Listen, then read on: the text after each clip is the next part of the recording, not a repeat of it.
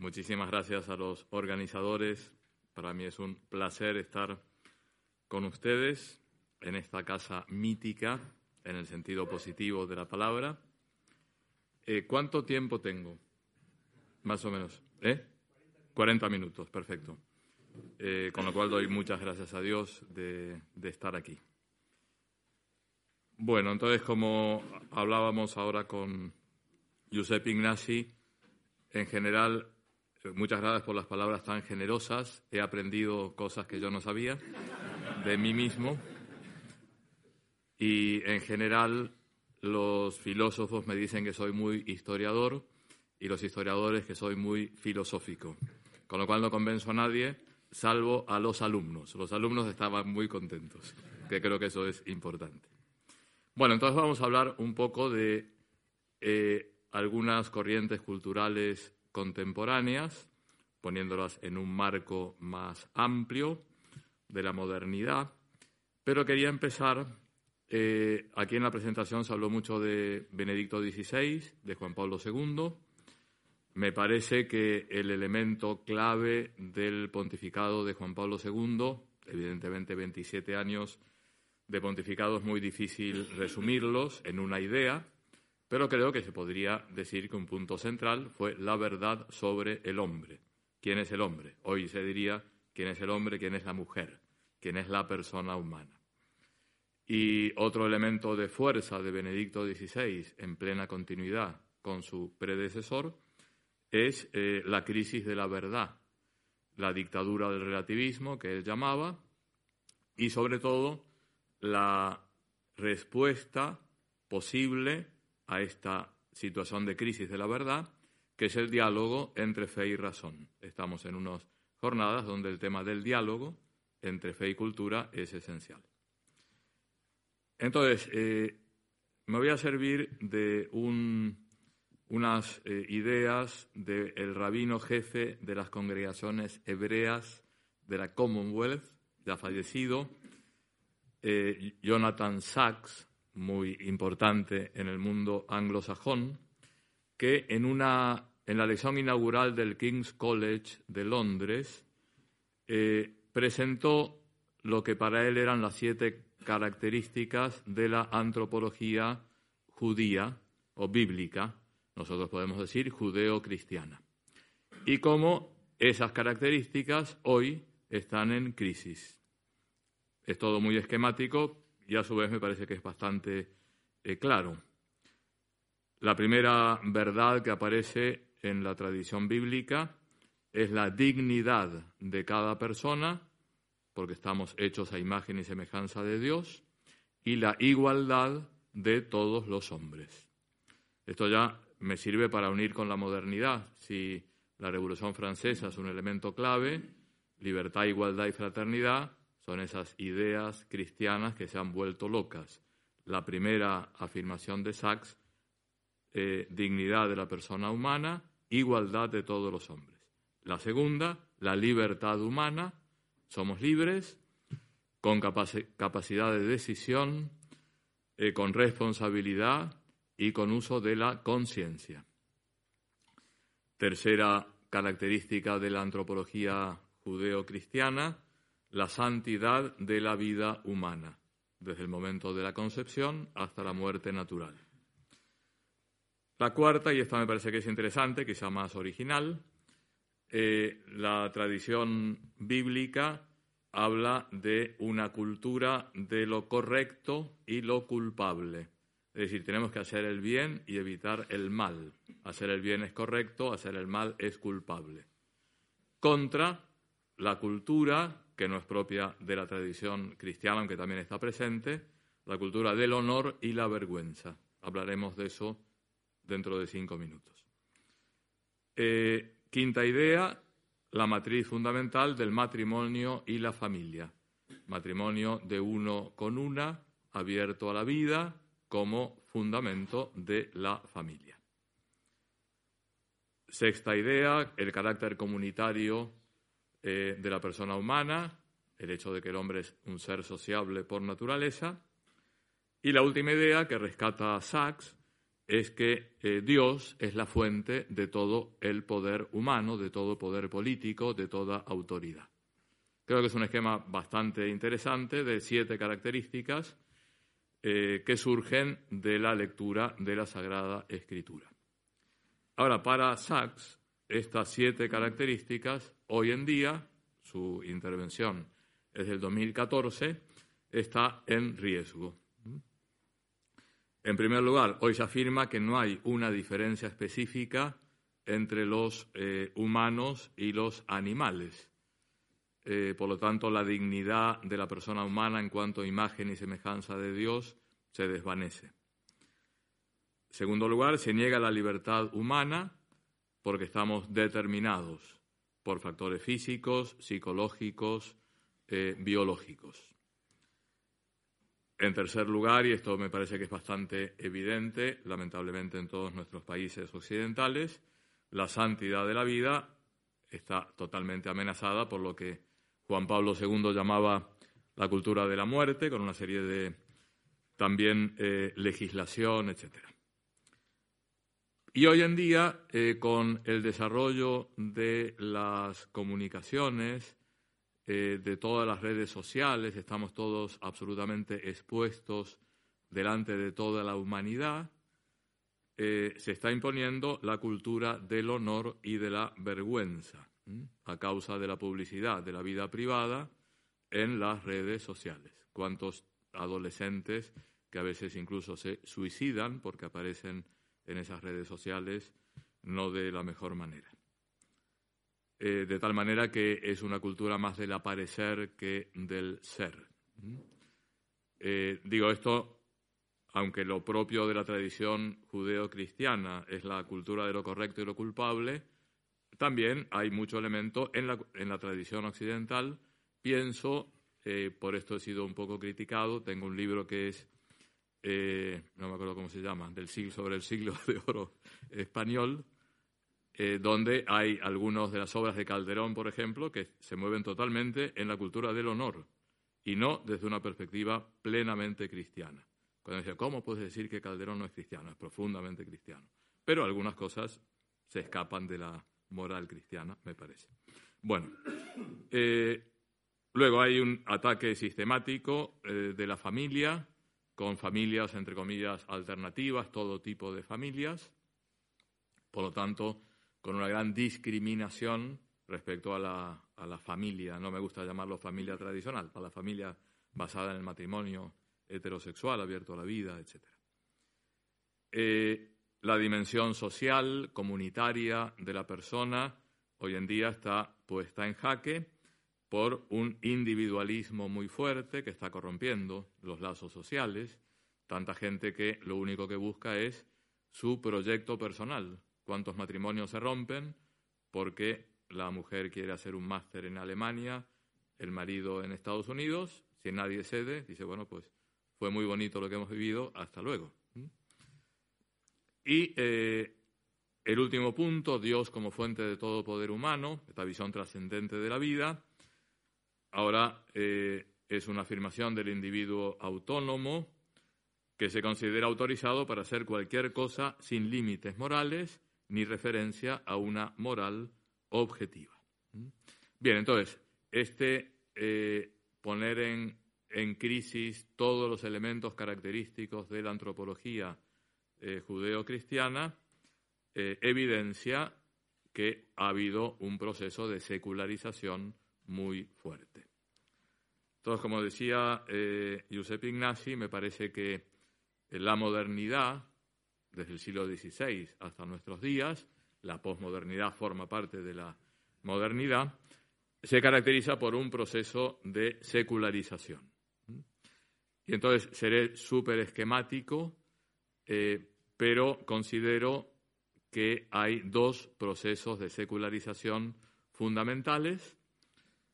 Eh, el más evidente es la afirmación de la autonomía absoluta de lo humano.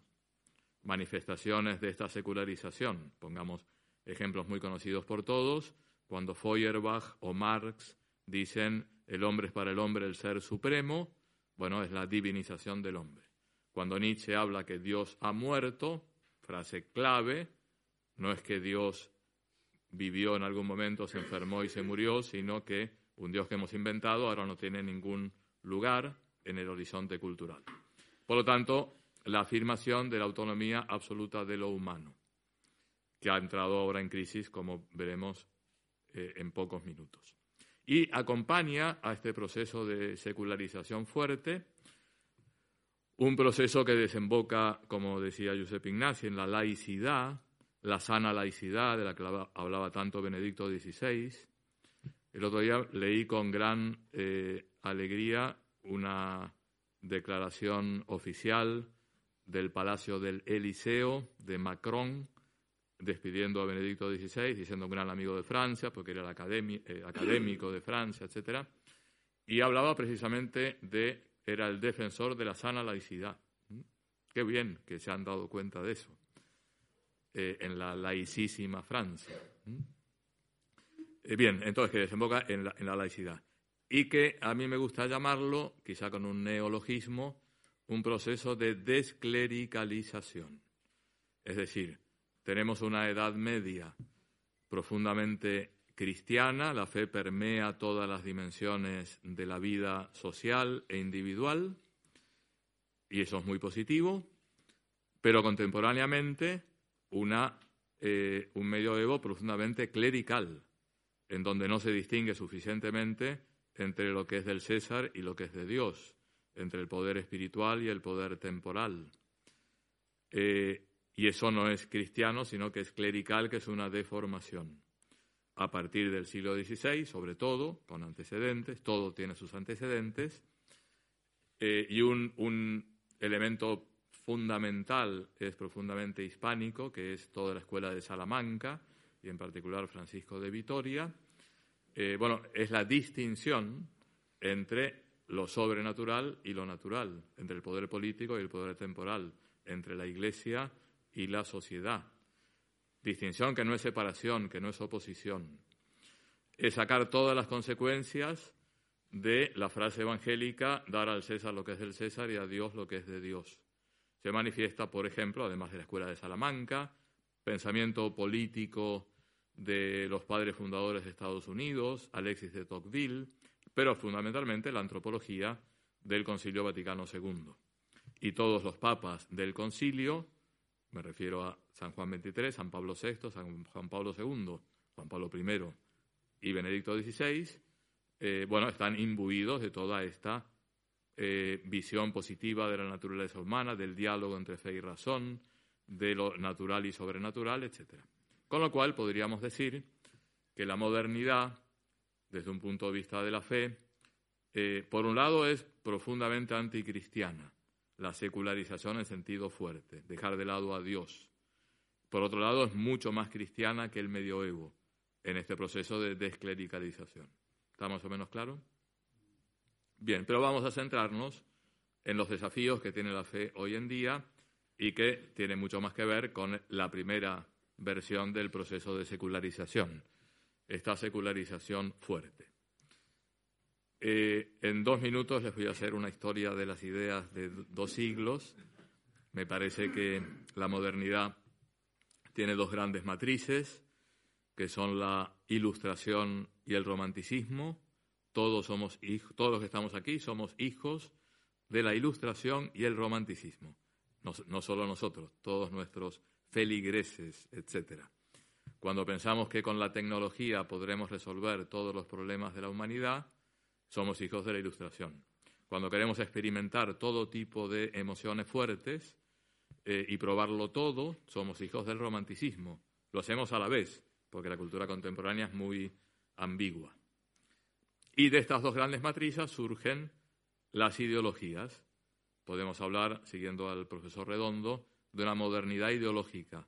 Siglo XIX y XX, las grandes ideologías políticas y culturales, liberalismo, marxismo, positivismo, nacionalismo, eh, con nacionalismo que también significa, por ejemplo, indigenismo en América Latina, eh, cientificismo, etcétera, que son muy distintas entre sí y, sin embargo, tienen algunas características comunes. Me referiré solo a dos. Eh, una característica común es que todas estas ideologías, y también las dos grandes matrices de la modernidad, eh, toman un, un elemento fundamental, central de la naturaleza humana y lo absolutizan. El hombre, la mujer, la persona humana no es otra cosa que, dirá la ilustración, razón, y una razón científica eh, basada en la experimentación, todo lo demás es mito, leyenda, superstición, etc.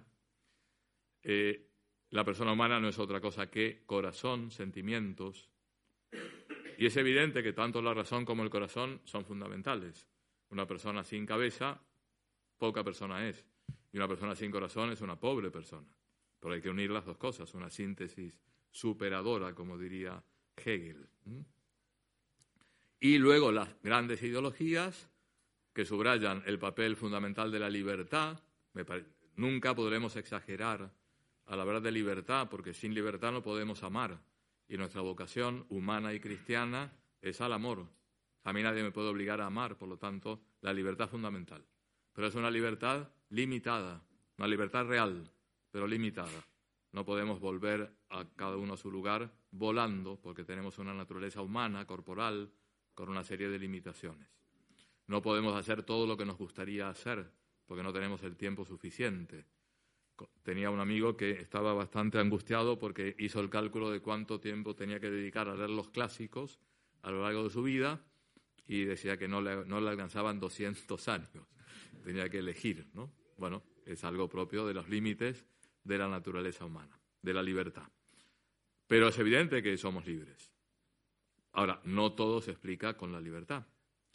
El nacionalismo parte de otro elemento absolutamente clave, fundamental de nuestra existencia. Todos estamos situados espacio-temporalmente. Y cuando decimos yo soy catalán o yo soy argentino, la gente entiende muchas cosas. Ah, catalán, ya entiendo. Ah, argentino. Eh, sin embargo, hay muchos catalanes muy distintos entre sí y muchos argentinos muy distintos entre sí. Y a su vez tenemos una llamada a la universalidad y podemos dialogar con otro tipo de personas. Con lo cual es un elemento clave para entender mucho, sin embargo no lo explica todo. Eh, la economía, absolutamente clave. Ahora, reducir la persona al homo economicus es evidentemente un reduccionismo la tecnología, la ciencia, tecnología de ciencia aplicada, resuelve muchísimos problemas. Tengo aquí un micrófono, tenemos luz eléctrica eh, y gracias a Dios.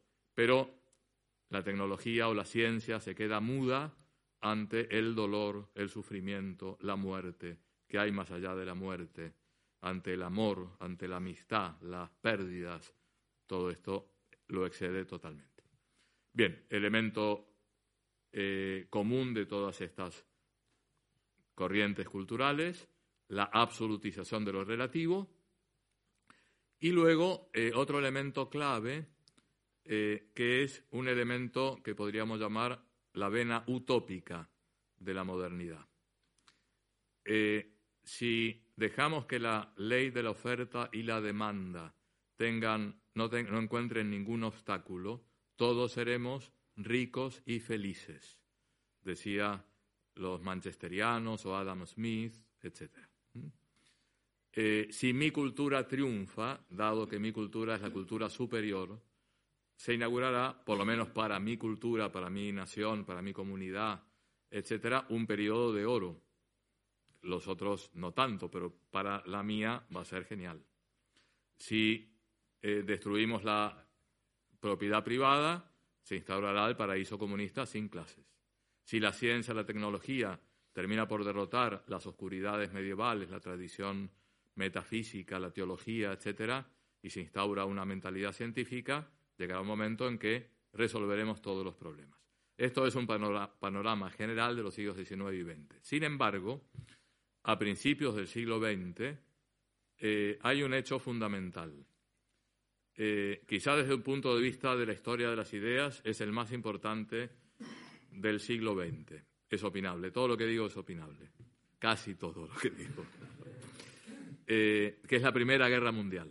mucho más importante que la segunda, desde un punto de vista de la historia de las ideas. ¿Por qué? Porque la Primera Guerra Mundial fue el mentís a esta visión utópica de la felicidad en esta tierra.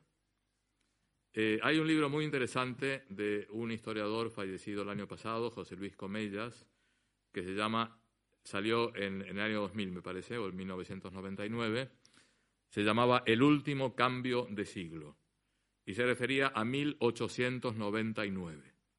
En general, también aquí, en el mundo occidental, la gente descorchó la, botella aquí de cava y celebró porque empieza el siglo XX, que será impresionante, maravilloso, un, progreso que no se va a bloquear de ninguna manera. Nadie quiso la Primera Guerra Mundial, aunque todos pusieron un granito de arena, y en vez de felicidad, de progreso, de desarrollo material, nos encontramos con una tragedia terrible. Un mundo que se, mata, eh, millones de muertos, de destrucción de mucho, en muchos lugares, pero sobre todo una manifestación de una crisis de la cultura de la modernidad. Todo el mundo coincide, no había que ser, no había que ser muy inteligente para decir estamos en crisis, bueno, una guerra terrible, pasan 20 años, el periodo entre guerras es interesantísimo y llegamos a la Segunda Guerra Mundial, eh, todos coinciden en la que hay crisis. Y sin embargo, eh, no hay coincidencia en establecer la causa de la crisis. Estamos enfermos, pero ¿por qué estamos enfermos? Y entonces eh, también me, haré una cosa, una cosa muy esquemática eh, podríamos agrupar tres respuestas a la pregunta ¿por qué estamos como estamos? ¿Por qué hemos llegado a lo que hemos llegado? Vivimos todavía en la crisis de la cultura de la modernidad. Entonces, eh, una primera respuesta la dan las ideologías mismas, que dicen el problema es que no hemos llevado a las ideologías hasta sus últimas consecuencias. Entonces, un nacionalismo romántico del siglo XIX se convierte en, por ejemplo, el nacionalsocialismo alemán, el fascismo eh, italiano, eh, bueno, nacionalismos tremendamente violentos que no respetan los derechos de otras culturas, etc. Eh, el marxismo, también más o menos romántico en el siglo XIX, con alguna intentona revolucionaria, se transforma en el en Lenin, en Stalin, en Mao Zedong, en Pol Pot, ese libro negro del comunismo, que por lo menos en Italia lo financió Silvio Berlusconi, que tampoco es la alternativa al comunismo. Eh, a mí me, lo que más me impresionó de ese libro no es tanto el número de muertes, sino quién escribía esos capítulos. No, es un capítulo escrito por Margaret Thatcher, otro por Juan Pablo II, otro por Helmut Kohl, sino eran todos pensadores de izquierda, muchos de origen marxista, pero gente honesta que decía, bueno, esto no salió mal. Y en, eh, el prefacio de este libro, eh, el, el, que coordina todo, llama Serge Courtois, dice, en definitiva, quien tenía razón para definir el comunismo era Pío XI, Pío XI en la Divini Redentoris. Entonces ataca totalmente a la Iglesia Católica, pero dice, pero en esto Pío XI tenía razón. Es una crisis antropológica terrible. Bien, eh, con lo cual, las ideologías llevadas hasta las últimas consecuencias. Eh, hay una segunda respuesta que podríamos dar, decir que es la respuesta del pensamiento, filosofía, teología, eh, filosofía de la historia, abierto a la trascendencia no solo cristianos, también hay muchos judíos, por ejemplo. Una cosa que une a Juan Pablo II y Benedicto XVI, el gran aprecio por la filosofía personalista y en particular por la filosofía del diálogo, por ejemplo, de Martin Buber o de Emmanuel Levinas. Eh, bien, muchos pensadores abiertos a la trascendencia, cristianos, católicos, eh, no todos católicos, todos los que están detrás del Concilio Vaticano II, muchos detrás de la Declaración de los Derechos Humanos de las Naciones Unidas, que hacen del siglo XX un, siglo de pensamiento cristiano muy potente, más, me parece, que el siglo XIX. sea, no es solo Hitler, Mao y Mussolini, sino eh, eh, Ratzinger, Carol Goitigua y, tantos, y muchísimos pensadores. Y la tercera eh, respuesta, por qué hemos llegado a donde hemos llegado, es la que da lo, que deriva en lo que Benedicto llama la dictadura del relativismo.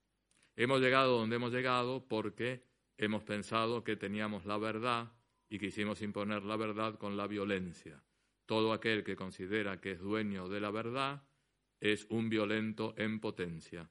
Por lo tanto, hemos de establecer un relativismo generalizado, igual de aquel que diga yo conozco la verdad o, o hay verdades objetivas o hay verdades morales que pueden orientar no solo mi vida individual, sino que pueden orientar la vida social.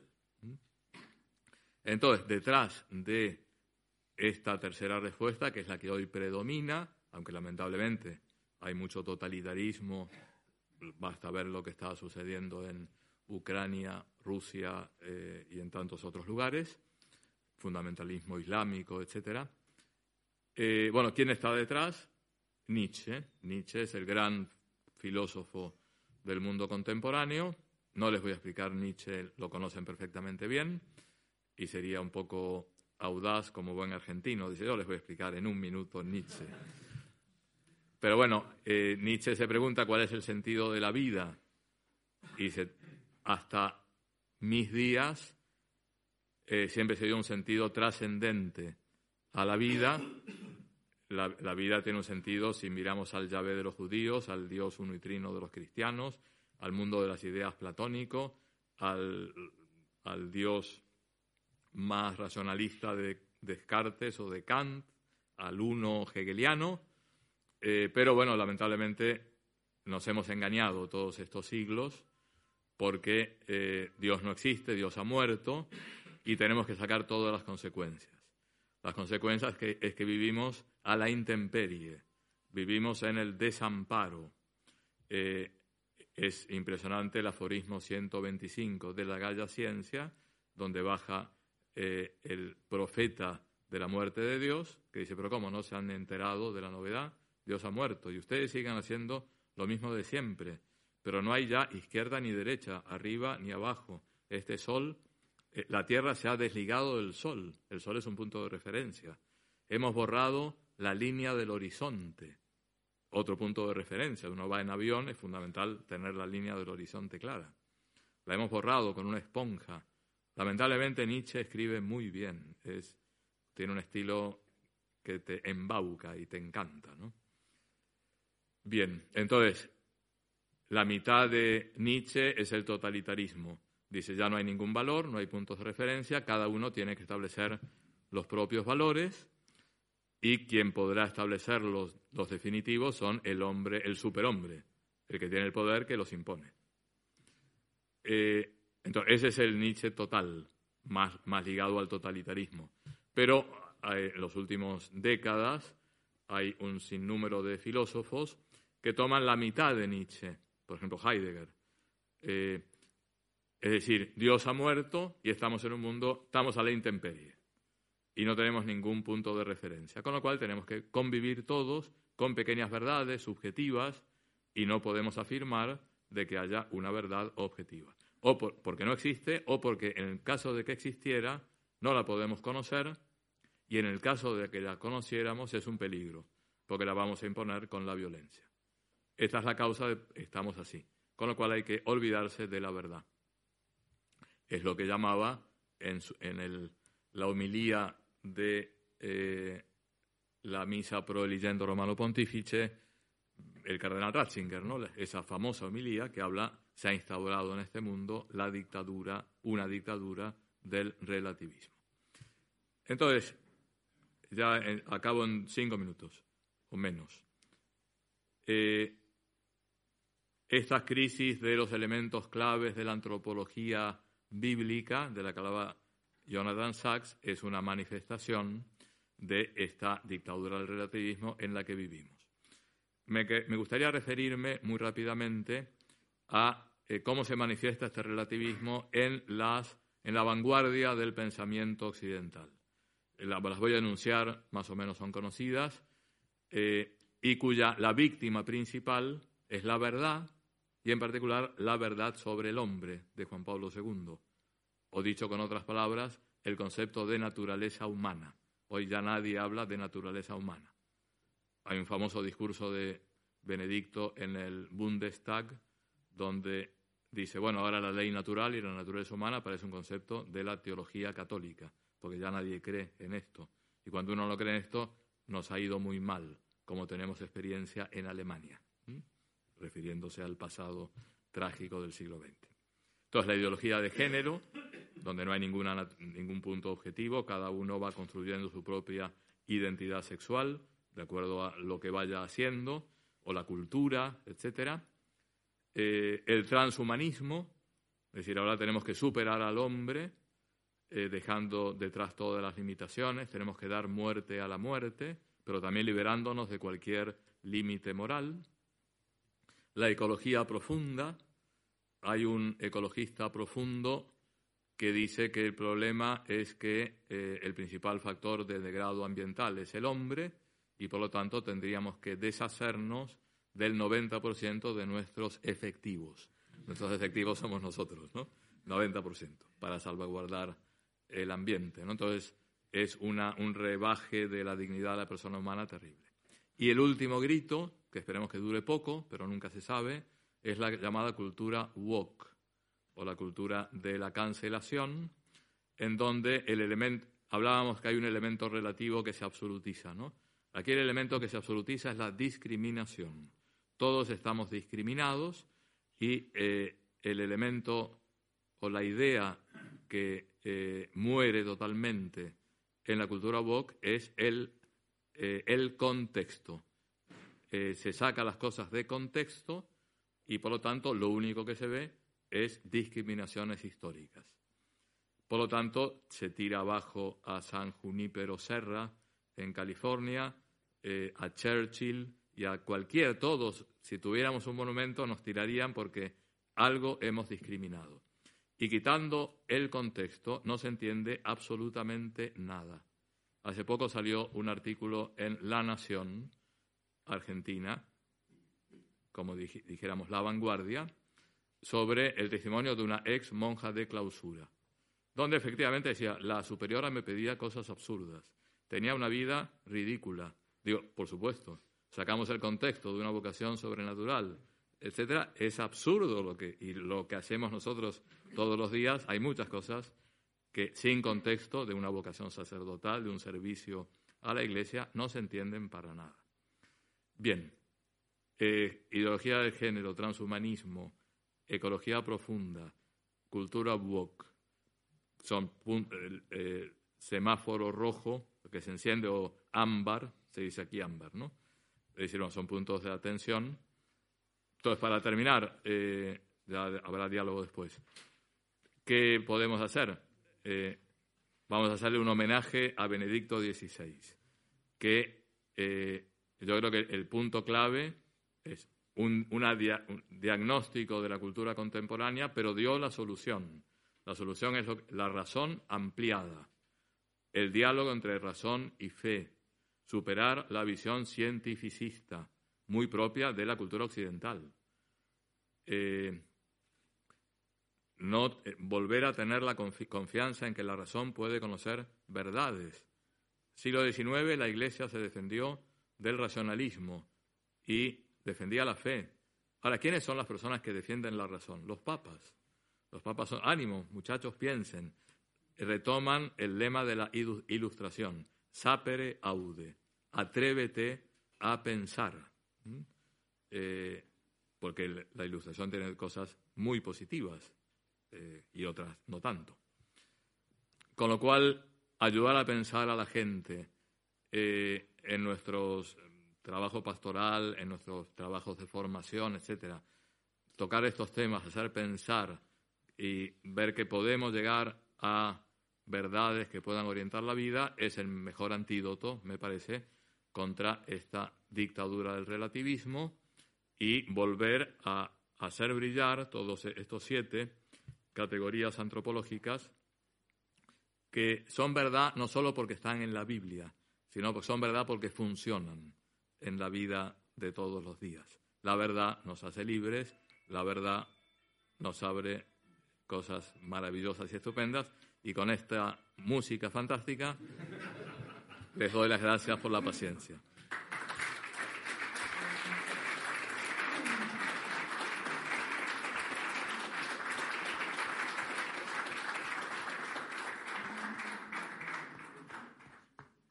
Ante todo, agradecer la intervención, esta panorámica que nos ha abierto a todos muchas perspectivas, también nos ha dejado muchos interrogantes, ¿eh? porque al fin y al cabo somos nosotros, ¿eh? cada uno como puede, el que tiene que espabilarse en esta cultura contemporánea, pero hay que conocerla, ¿no? Y ahora se abre un debate teniendo la posibilidad. Primero de todo, el doctor Melé, lo presento, doctor Melé, que es profesor del IES de ética, ética ¿qué? De los negocios.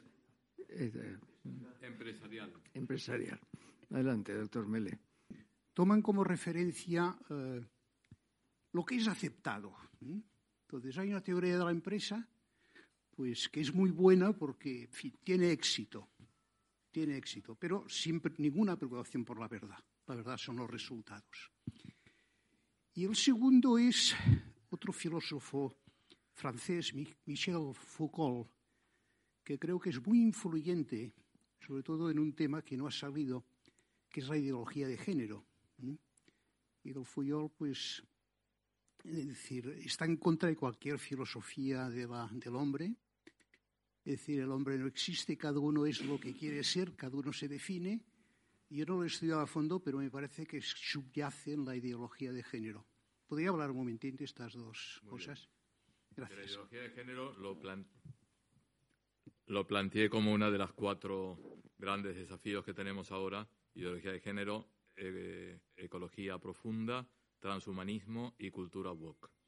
Entonces, eh, hablando de Michel Foucault, así como Nietzsche dice Dios ha muerto, Michel Foucault eh, habla de el hombre ha muerto. El hombre es un invento ya no me acuerdo si dices del Renacimiento o de la Ilustración, da igual, pero ya estamos en el siglo XXI, con lo cual llevamos algún siglo de que la misma, el mismo concepto de naturaleza humana, eh, bueno, es, una invención cultural, pero no tiene ninguna base.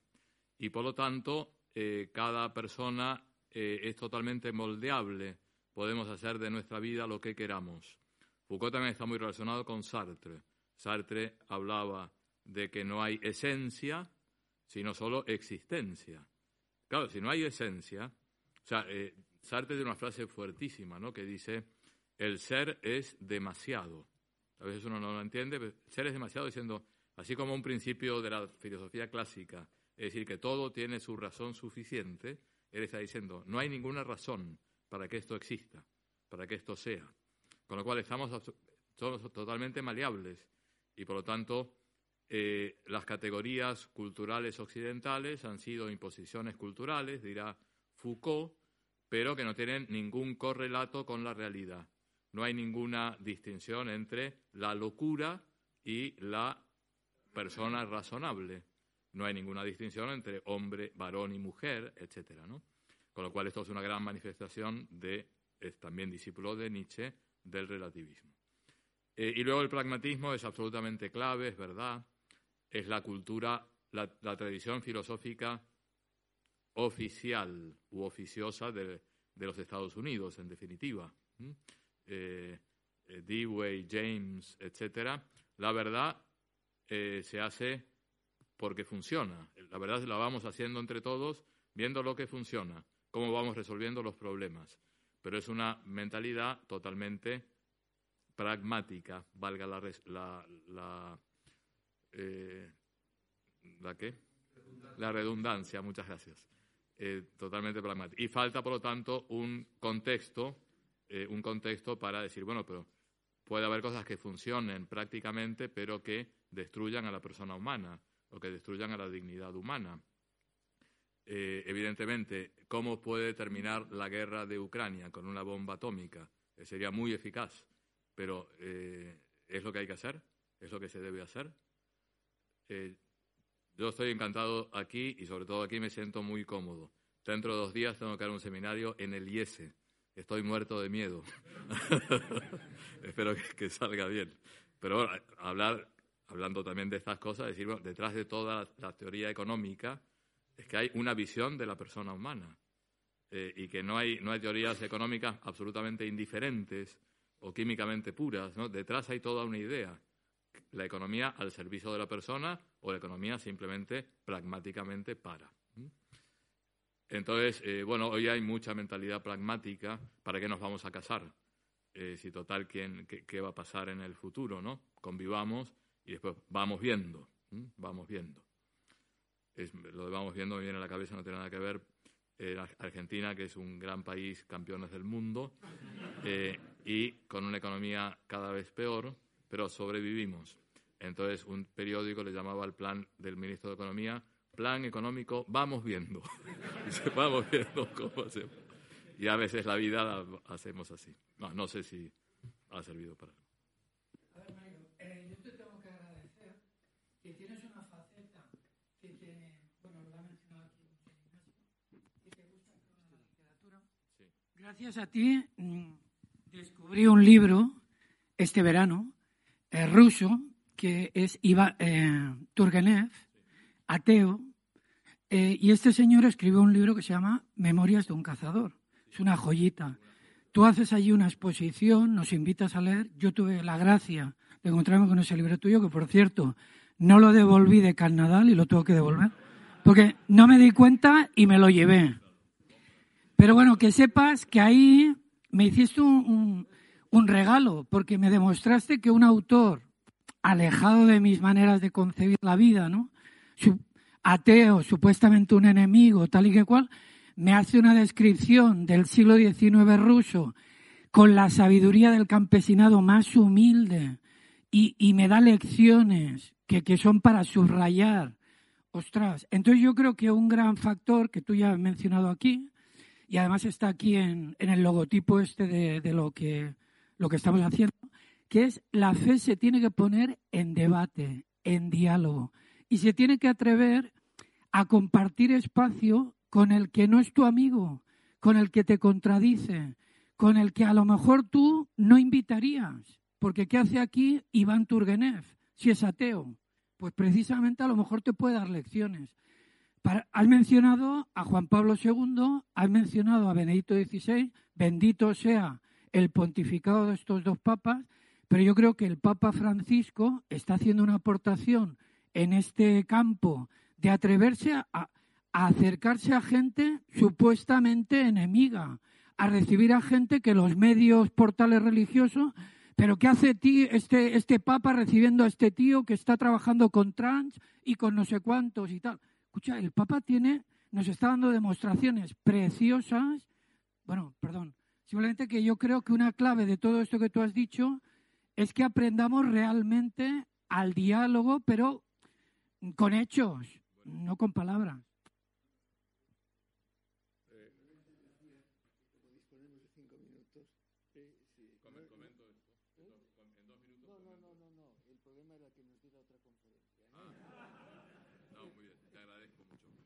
Eh, no, dos cosas nada más.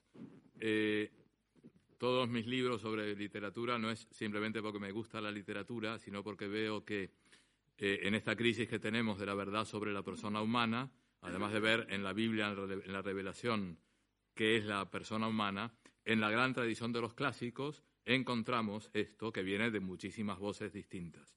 Entonces es una manera de presentar las grandes verdades sobre la persona humana a través de las historias que me cuenta Turgenev o Tolstoy o Cervantes o Dante o quien sea. Entonces, todos estos libros no es simplemente por un interés cultural, sino que creo que es un interés apostólico que tengo.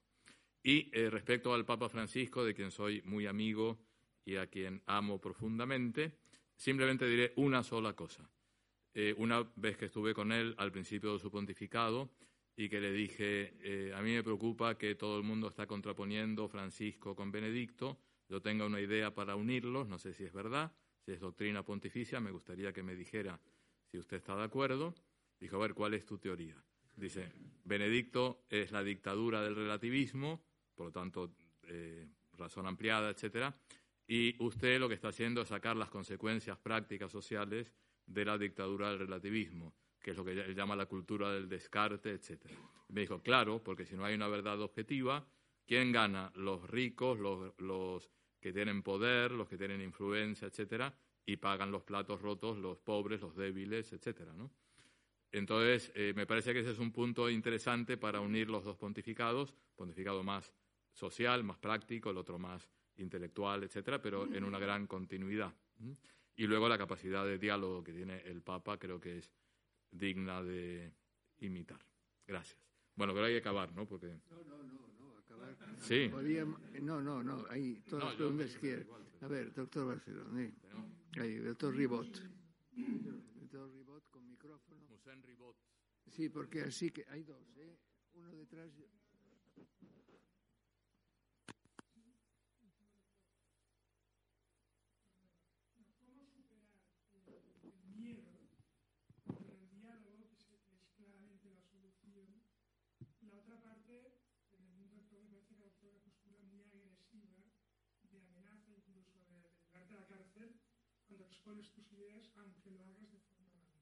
Sí, muy bien. Eh, bueno, yo creo que nunca podemos pagar con la misma moneda. Entonces, el diálogo tiene que ser.